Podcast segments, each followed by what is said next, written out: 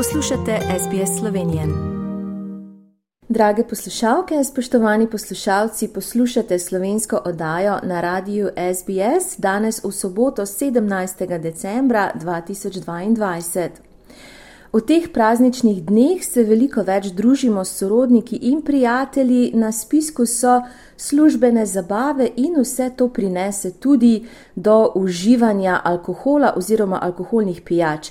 Nekako smo slovenci navajeni tako imenovanega družbenega uživanja alkohola, oziroma tako rekoč eh, se tega poslužujemo, ko smo v krogu prijateljev, družinskih članov.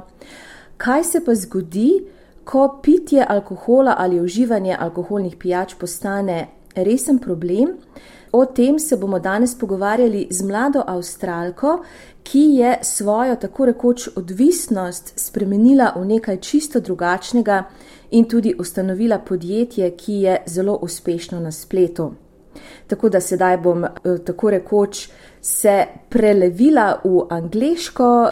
So, we are very, very happy that you're with us today, the founder of the Mindful Mocktail, Natalie Battaglia. Welcome to the program. Thank you so much. Thank you so much for having me. I really appreciate being on. Well, thank you for taking the time and speaking to us about. I could say maybe it's a problem for young people, for older people, but as I said in the beginning, Slovenians are very, very social drinkers. Let's hear more about how you became the founder of the Mindful Mocktail, and maybe let's explain to our listeners what is a mocktail. Sure. Okay. Well, I'll start with what is a mocktail because that's the easy part. So, a mocktail is essentially a mock up of a traditional cocktail. So, let's say we're talking about a margarita mocktail or a Moscow mule. It's basically the process of removing the alcoholic element from a drink and replacing it with something that'll still give it that edge or that bite, you know, still make the drink delicious, but it's a non alcoholic version of that drink. Uh, and yeah, the great thing is in the last couple of years, there's been a huge uptake and interest in this kind of drink because we have found, I think a lot of it really being COVID related, that that, you know, after we went through the whole, you know, COVID process, especially over here in Australia, a lot of Australians in particular found that their alcohol intake skyrocketed throughout that period. And really, it's been a process during the last 12 months or so of people sort of pulling back, reassessing their relationship with alcohol and thinking, you know, hmm, maybe you know, should I be cutting down or should I be drinking a little bit less? And I'm certainly not here to preach. For a lot of people, it's not about cutting out alcohol completely, and there's certainly a really big social aspect, like as you said, um, in Slovenia. Certainly understand that there's a huge social push when it comes to alcohol. I guess my story is really directed more at people who take it just that little bit too far and are maybe unable to drink alcohol in a healthy way. Um, um, are unable to stop, find it difficult to have alcohol free days, uh, and are basically finding that, you know, alcohol is taking more than it's giving. Well, I found online that the, the latest deaths data published by the Australian Bureau of Statistics and it shows that in 2021 there were actually 1,559 people who died of an alcohol induced death, and uh, more more men so than women. But that's very very concerning. We're, we're not talking about you know, like you said, we're not preaching don't drink alcohol. Just maybe do it in a way that is acceptable for you and your health. When does drinking become unhealthy? Well, for me personally, I'll touch on my, you know, personal story very briefly. But, you know, I grew up in the 80s, so I was around alcohol all the time in Australia. You know, my parents drank, you know, heavily some days, not so heavily other days, but essentially they were heavy drinkers. Um, so, you know, and we've had lots of conversations about that, and it's certainly not a blame game or anything like that. But when you grow up around alcohol a lot, of course, you assume that that's just, you know, that that's just normal. That's what happens. So, as I transitioned into adulthood, I essentially adopted those same drinking habits. When I moved in with my first boyfriend, uh, we, you know, we drank alcohol almost every day. And, you know, to be honest, they were some of the best days of my life. We would drink most nights nights. We would go out two or three nights a week. Uh, but I was performing at work. Uh, it really wasn't having any impact on my mental health.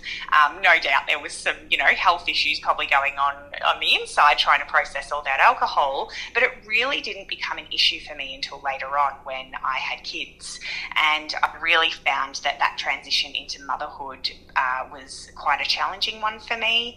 I found myself reaching to alcohol more, and I found myself drinking alone more, and that was really the drinking that startled me the most.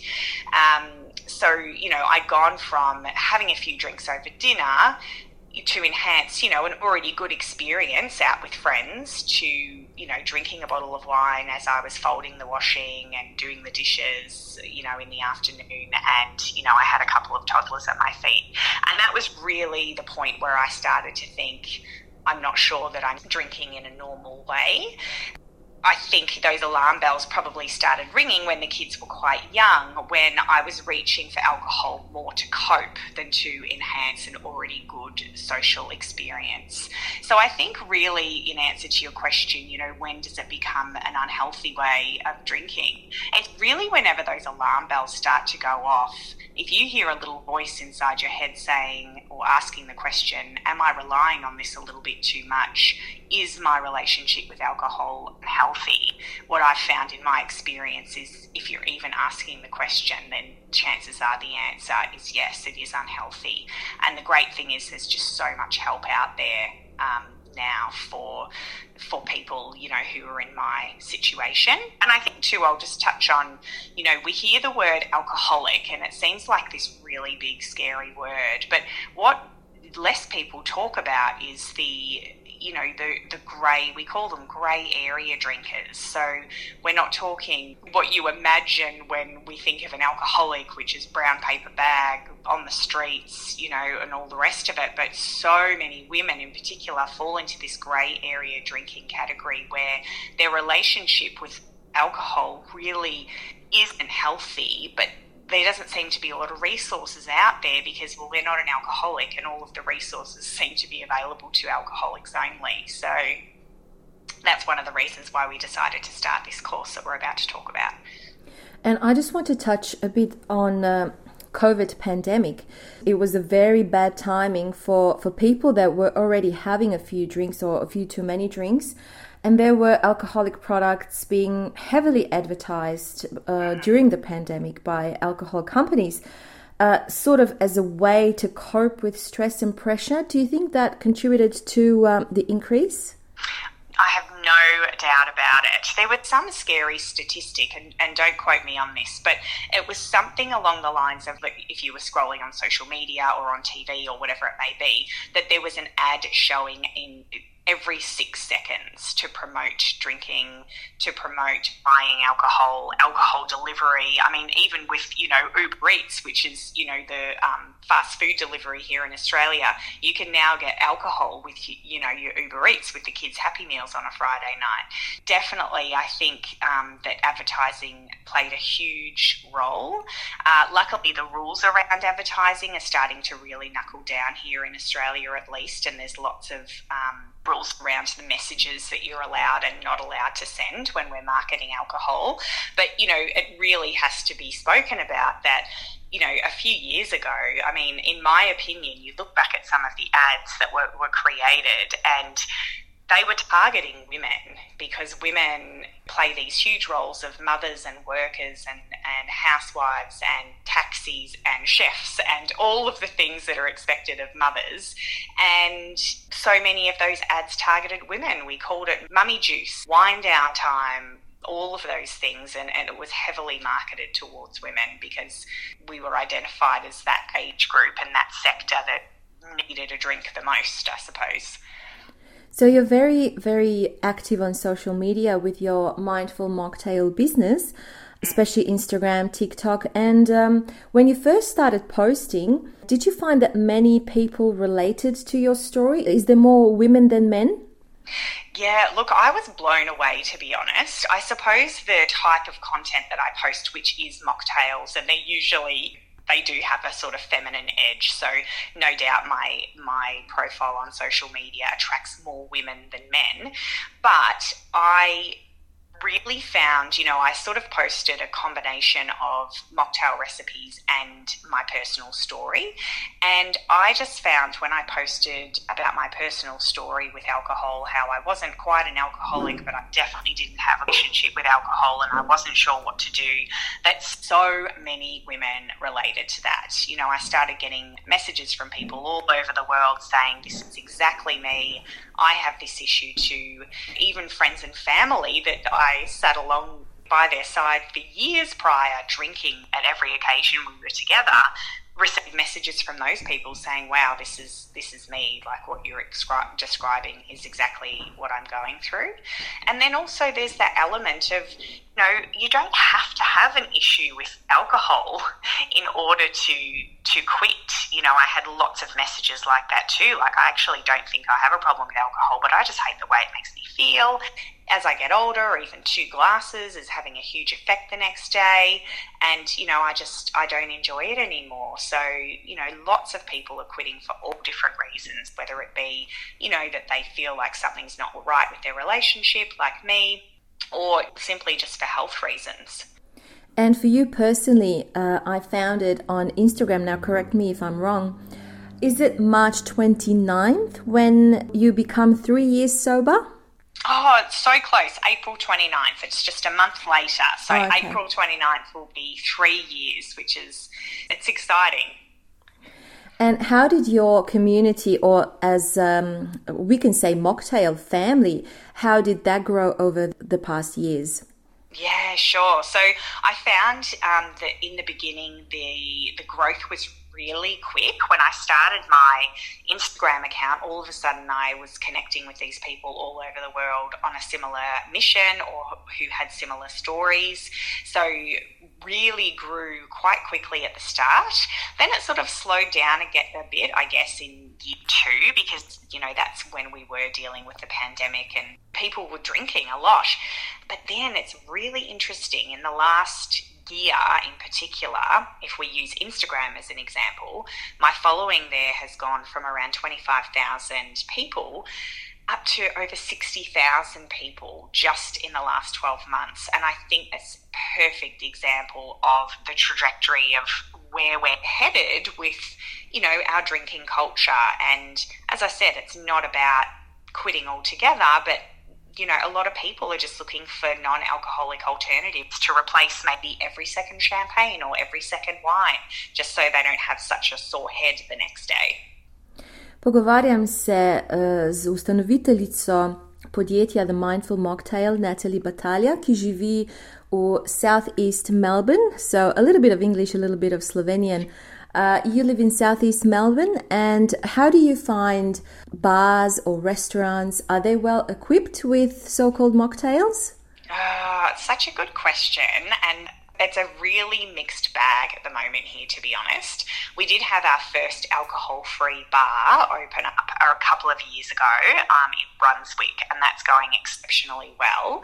But in terms of your regular, let's just say, pubs where you might have a steak or fish and chips or something like that. I really find it's a mixed bag. Some venues do it exceptionally well and will have an extensive mocktail and non alcoholic wine and beer list. And some, you know, you can just tell there's been very very little thought put into to that part of the menu. And it's such a shame because, you know, stats also show that the people who are reducing their alcohol intake or cutting down their alcohol intake are people who, you know, have a decent disposable income. You know, they're well educated. They're the kind of people that you want in your venue because they are happy to spend money on non alcoholic options. And we're finding now that sober people or people who don't drink as much really are the decision makers when it comes to deciding where to go for dinner. So, you know, like if we go out for dinner, you know, you could get a beer or a wine anywhere, whereas I don't have that luxury. So, you know, I can sort of say, hey, let's go here because they have a great non alcoholic option list and you would happily come along to support me. But I'm really hoping that that venues start to put a little bit more thought into their non alcoholic menus. Well, on that note, I'm very happy to uh, let everyone know if anyone's going to Slovenia anytime soon. When I was there in April, I went to a bar, a cocktail bar, with a huge range of mocktails. I think around 30 different mocktails. So, very well done on Slovenian part, at least one place that I was at. So, maybe we can spread the word that it's okay and it's fun spending time with your friends without alcoholic drink. Yeah, absolutely. I just think it's something for venues to keep in mind. I know one of the biggest pushback is the worry about wastage, you know, especially if they're talking, we're talking about non-alcoholic sparkling wine, but, you know, you can get single serve bottles now, like little piccolos, we call them here in Australia, but that are just a single serve of, of alcohol-free wine. And, you know, there's no wastage. The customers here are happy to pay for them. Just something for venue owners to think about. So, with all the feedback that you got over the past years, how did this sobriety course come about? You collaborated with uh, an expert or more experts, and there's a course that's starting on the 8th of January 2023. Can you tell us a bit more about that? Sure. So basically, what I found was, you know, over the last two and a half years since I started the Mindful Mocktail, even though, you know, my primary focus is the non alcoholic cocktails, because I do talk about my sobriety, I had lots of messages from people asking for support to stop drinking. While I was able to offer them some advice around the approach that I took and what I did to stop drinking, it, for many people, you know, it just didn't work. Sobriety is such, or, you know, even just cutting down on drinking is such a, a personal journey, I suppose. And there's many, many different ways to get there.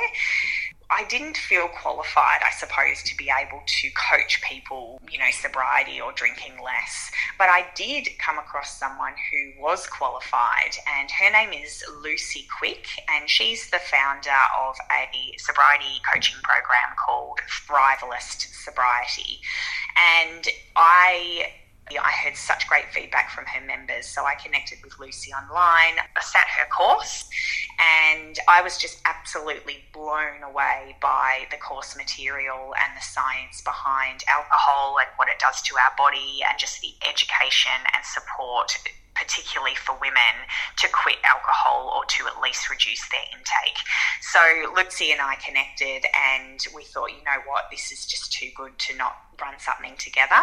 So we decided to join up and um, we're running a program called New Year Real Me Signature Sobriety Program, and that launches on the 8th of January.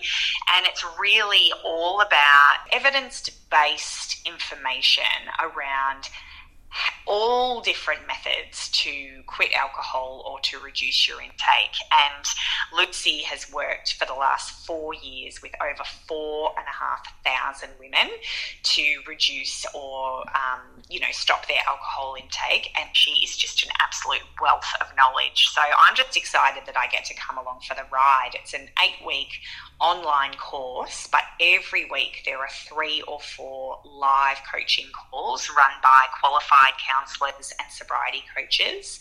So there's just so much support there, and uh, you know the best thing about it, it is this amazing community of women that all you know join together and support each other for the common goal of learning more about alcohol and how to control their intake. And where can people apply for this course?